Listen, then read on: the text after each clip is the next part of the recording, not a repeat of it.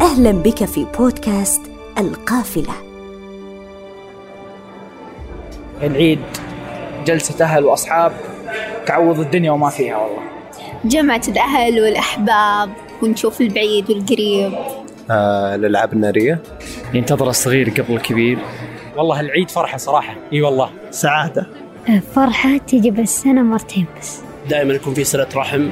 تحصل جميع آه، أقاربك في آه، ديرتك. في جدة لازم نروح نصلي العيد نرجع آه ناكل اللي هو نواشف جبنة وزيتون وتعتيمة وبس وننام بعدها. آه، ذبيحة العيد فطور العيد يعني هذا أهم شيء عندي. الصباح مع الجيران في الشارع. والعرضة الجنوبية أهل الجنوب بالذات حقين الباحة والف والفطور العصيدة والعريك البدري. جمعة وفرحة. لكن بظل الظروف هذه بنحاول إن شاء الله أن نكون وفق الإجراءات الاحترازية. في أغاني محمد عبده هي العيد بالنسبة لي.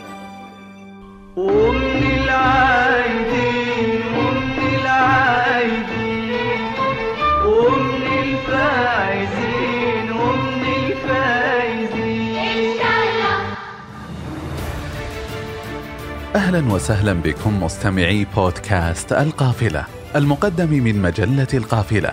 بمسيرة ننطلق فيها معكم نحو مساحات واسعة من الثقافة ومسالك ممتدة من المعرفة. كل عام وأنتم بخير وأعاده الله علينا وعليكم بكامل الصحة والسلامة. حلقتنا اليوم في بودكاست القافلة عن الأعياد. تلك المواعيد المتجددة والمنفردة بتفاصيل وخصوصية امتازت بها على بقية الأيام. كما العادة زوايا ثقافية سنقف فيها لننظر إلى هذا الحدث وعين متأملة نتفحص بها جميع ملامحه الاجتماعية والتاريخية والفلسفية. حديثنا اليوم عن المعنى المصدر الآثار والأغنيات في كل الأعياد.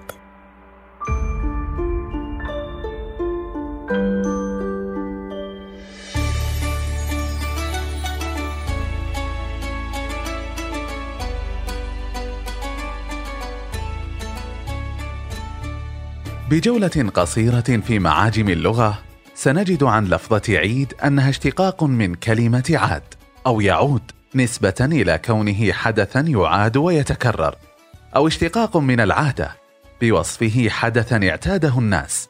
والمخالف للحاضر أن كلمة العيد قديما لم تكن مرتبطة بالأفراح فقط. فقد كان العرب يسمون كل الأوقات التي تعود في الأفراح أو الأحزان بالعيد. العيد. يوم أو موعد أو تاريخ معروف ومتفق عليه ومنتظر. يكتسي فيه الجميع بمظاهر الفرح والسرور ويملأ لحظاته التفاؤل والأمنيات. محطة مختلفة في مسيرة أيام العام والتزام تجاه السعادة من الصغير والكبير. أسباب متنوعة ومصادر عدة جعلت من الأيام اعيادا. فمن أين استمد الإنسان أعياده عبر التاريخ؟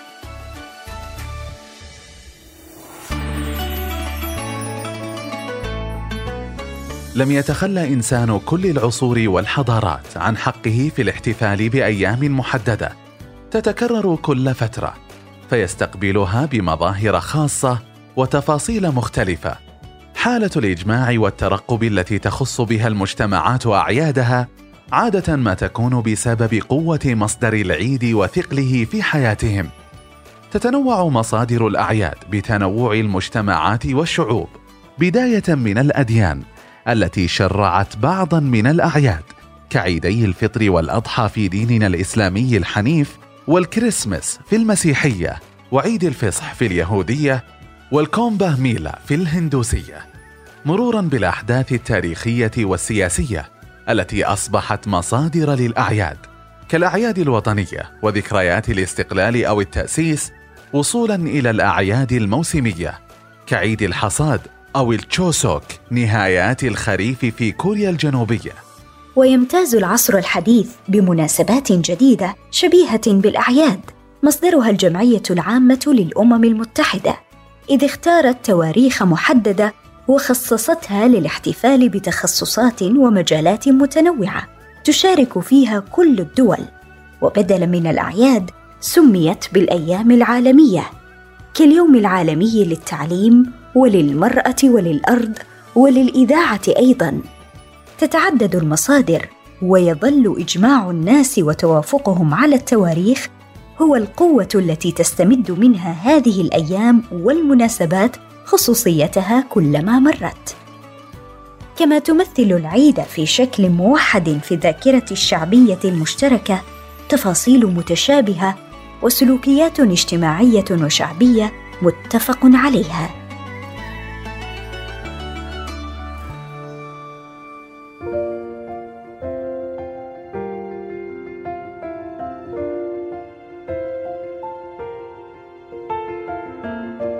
يعني أكثر شيء هو التجمع العائلي يعني أن كل الناس تكون موجودة في بيت الجدة في صباح العيد فهذا أكثر شيء يعني مميز بالنسبة لنا. والله من أول يجي الصبح يوم العيد قاموا الناس يصلحون العيد وكل عاد يجيب جهدته اللي تسوي جريش من تال الليل واللي تسوي مرقوق واللي تسوي قرصان واللي يسووا الرز ذيك الحين الرز بعد قليل بس إنهم يفرحون به بعد يحطونه. واللي يجون يجتمعون أهل الحي في وسط الشارع. حتى ما فيه لو فرشات اللي يجيب حصير واللي يجيب بساط واللي يجيب سفرة خوص يحطها تحت عيده. هم من يجتمعون أهل الحي كلهم. والحريم يجتمعون عند الكبيرة من من أهل الحي. العجيز اللي ما بتظهر ولا تروح ولا يجتمعون عاد الحريم أهل الحي عند ذاك الوحيد بعيده الميسور عاد. ما هنا كلافه. والمن يدخل رمضان وهم يدبسون عاد يخيطون للعيد.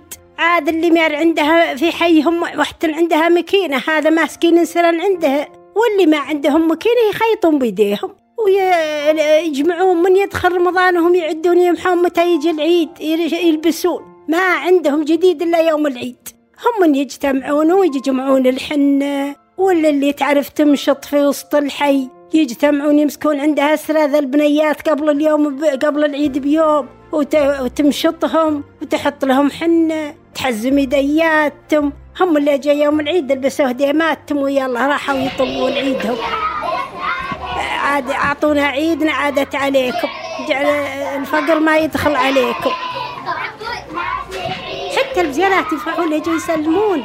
ولا وندور شيء نعايدهم به؟ بعدنا شيء يفرحون به. يما حلاوات ولا بسكوت؟ وهذا هذا شغلهم يعني أمورهم ماشية وش زينها ولا فيها تكلفة ولا فيها شيء. ويجتمعون ويسلمون على بعضهم وكل شيء ببساطة من أول كلش بساطة. وميسر الله أمرهم وعيدهم يجي وش زينة. والكبير يروحون يعنون عليه ويسلمون عليه. ولو يفقدون وحدة من أهل الحي. راحوا يركضون يدورونها. وراها قعدت أم فلان عسى هي بمصيخينه ولا يقعد من عيدهم شيء ولا يكب شيء اللي ما صلحت عيد يفذذون لها ويعطونها غدا لعيالها جعلها إن شاء الله يدوم بالعز للمسلمين يا رب يعز الإسلام ويمنا فوطاننا وجعل ما يغير علينا إن شاء الله في أحبابنا ولا في بلدنا ولا في ديننا ولا في ذريتنا يا ربي. يرفع الوباء المسلمين.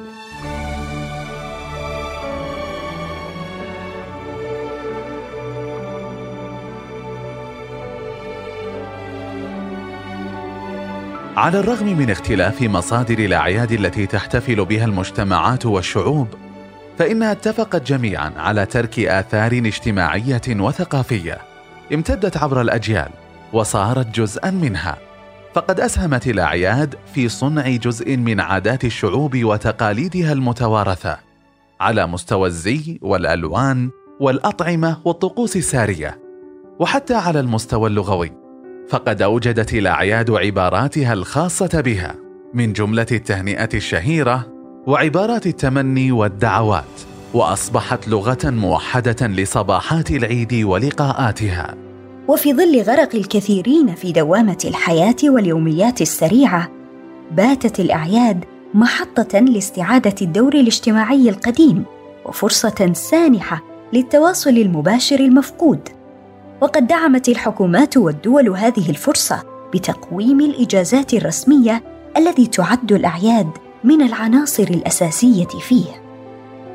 وبجانب التجليات الاجتماعية للأعياد لا يمكن تغافل الأثر الاقتصادي الذي تحدثه الأعياد على مؤشرات المال والأعمال فازدحام الناس بالأسواق والمحال التجارية فيما يسمى الجمعة السوداء في الدول الغربية التي تسبق أعياد الميلاد يعطي ملمحا عن الأرباح المليارية التي تحققها الشركات في مواسم الأعياد. وفي هذه الفترة تحديدا من كل عام تحقق الشركات أرقاما قياسية في المبيعات والأرباح. وبجانب الاجتماع والاقتصاد يمكننا تناول مفهوم العيد من زوايا أخرى واستكشاف أبعاد جديدة فيه.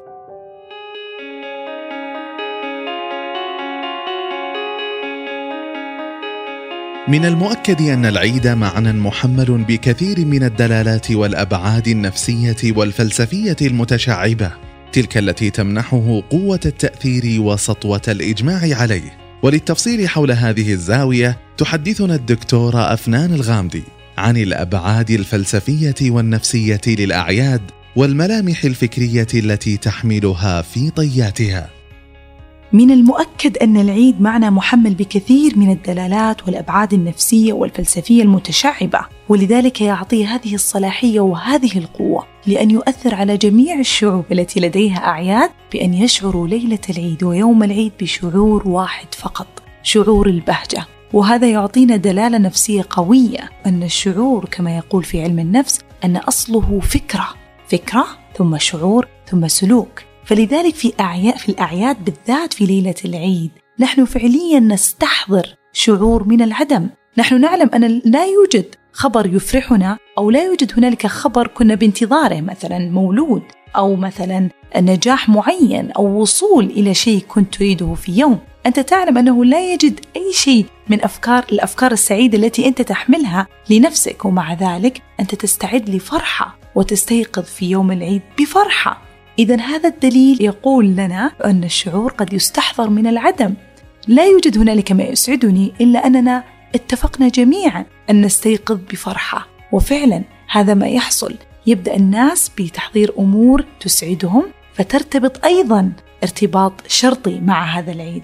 عندما أقول ارتباط شرطي أعني بأنه في كل مرة أو لما نسأل أي أحد في الشارع ونقول له إيش العيد بالنسبة لك؟ كل شخص زي ما سمعنا في هذا البودكاست. كل شخص يكون عنده العيد مختلف يعني يرتبط العيد لديه بصورة مختلفة عن الآخر. فأحد مثلا نوع بخور معين يذكره بالعيد. شخص آخر أغنية معينة تذكره في العيد حتى في أيام السنة. لما يسمع هذه الأغنية أو يشم هذه الرائحة على طول يسترجع مشاعر العيد المبهجة. ولذلك إحنا نبغى نحفز ونعزز هذا الارتباط الشرطي بأنه كل عيد رجع عاداتك حتى لو اختلفت اختلفت شكلية الحياة وصعوبة مثلا الآن التجمعات مع مع الأمور الاحترازية. عزوا كل الأمور اللي مشترط فيها عقلكم ببهجة العيد حتى تستحضرون هذه الفرحة مجددا.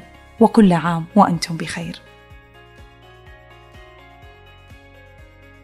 وعطفا على البهجة التي تتميز بها الأعياد في المظاهر والحلل فهناك بهجة خاصة مرتبطة بالأصوات. أصوات مميزة مثلت الكثير من العيد بصباحاته ولياليه.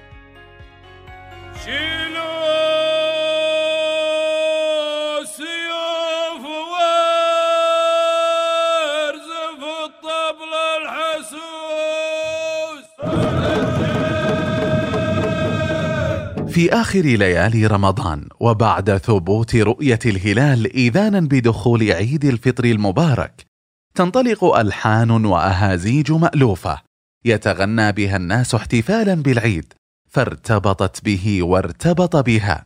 يثبت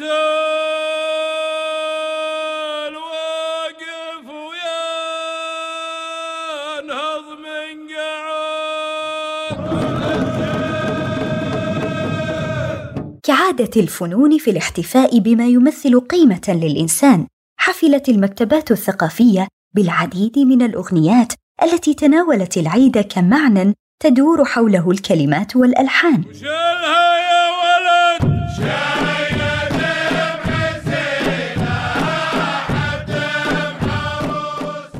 تمايل متناسق وسيوف تهتز. تتفجر روح العيد وسط مزيج من الرقص ودق الطبول والأهازيج الشعرية العرضة السعودية رقصة الحرب التي أصبحت رقصة الفرح والبهجة وأحد أهم مظاهر الاحتفال بالعيد والمناسبات السعيدة.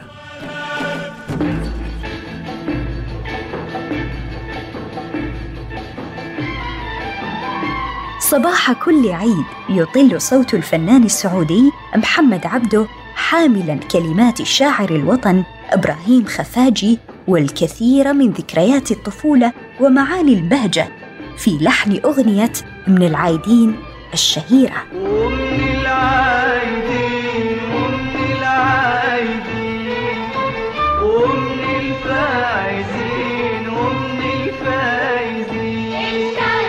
وكموكب استقبال استباقي تشدو أم كلثوم برائعتها. يا ليلة العيد. حاشده الكثير من التفاصيل والأمنيات والرسائل المتفائلة بيوم عيد تجمد فيه الأحزان ويتجمع الأحباب وترسو مراكب الأحلام على شاطئ الواقع بسلام.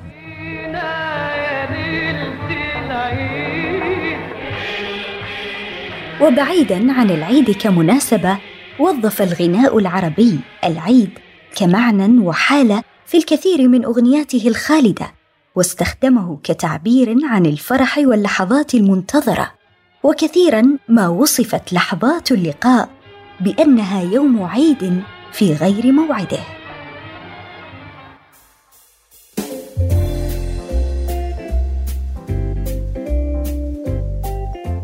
وفي عام 1998 وفقا لموسوعة جينيس تم إعلان أغنية Happy Birthday to You. الأغنية الأكثر شهرة في تاريخ اللغة الإنجليزية. هذه الأغنية التي خرجت إلى الوجود عام 1893 ملحقا أساسيا بأعياد الميلاد.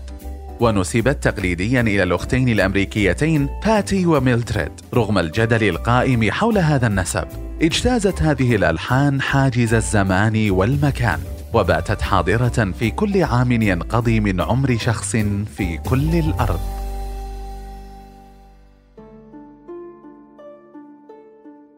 على هذا الكوكب آلاف الثقافات والأفكار المختلفة لكل منها معتقداتها الخاصة التي تحتفي بها وتحاول نشرها.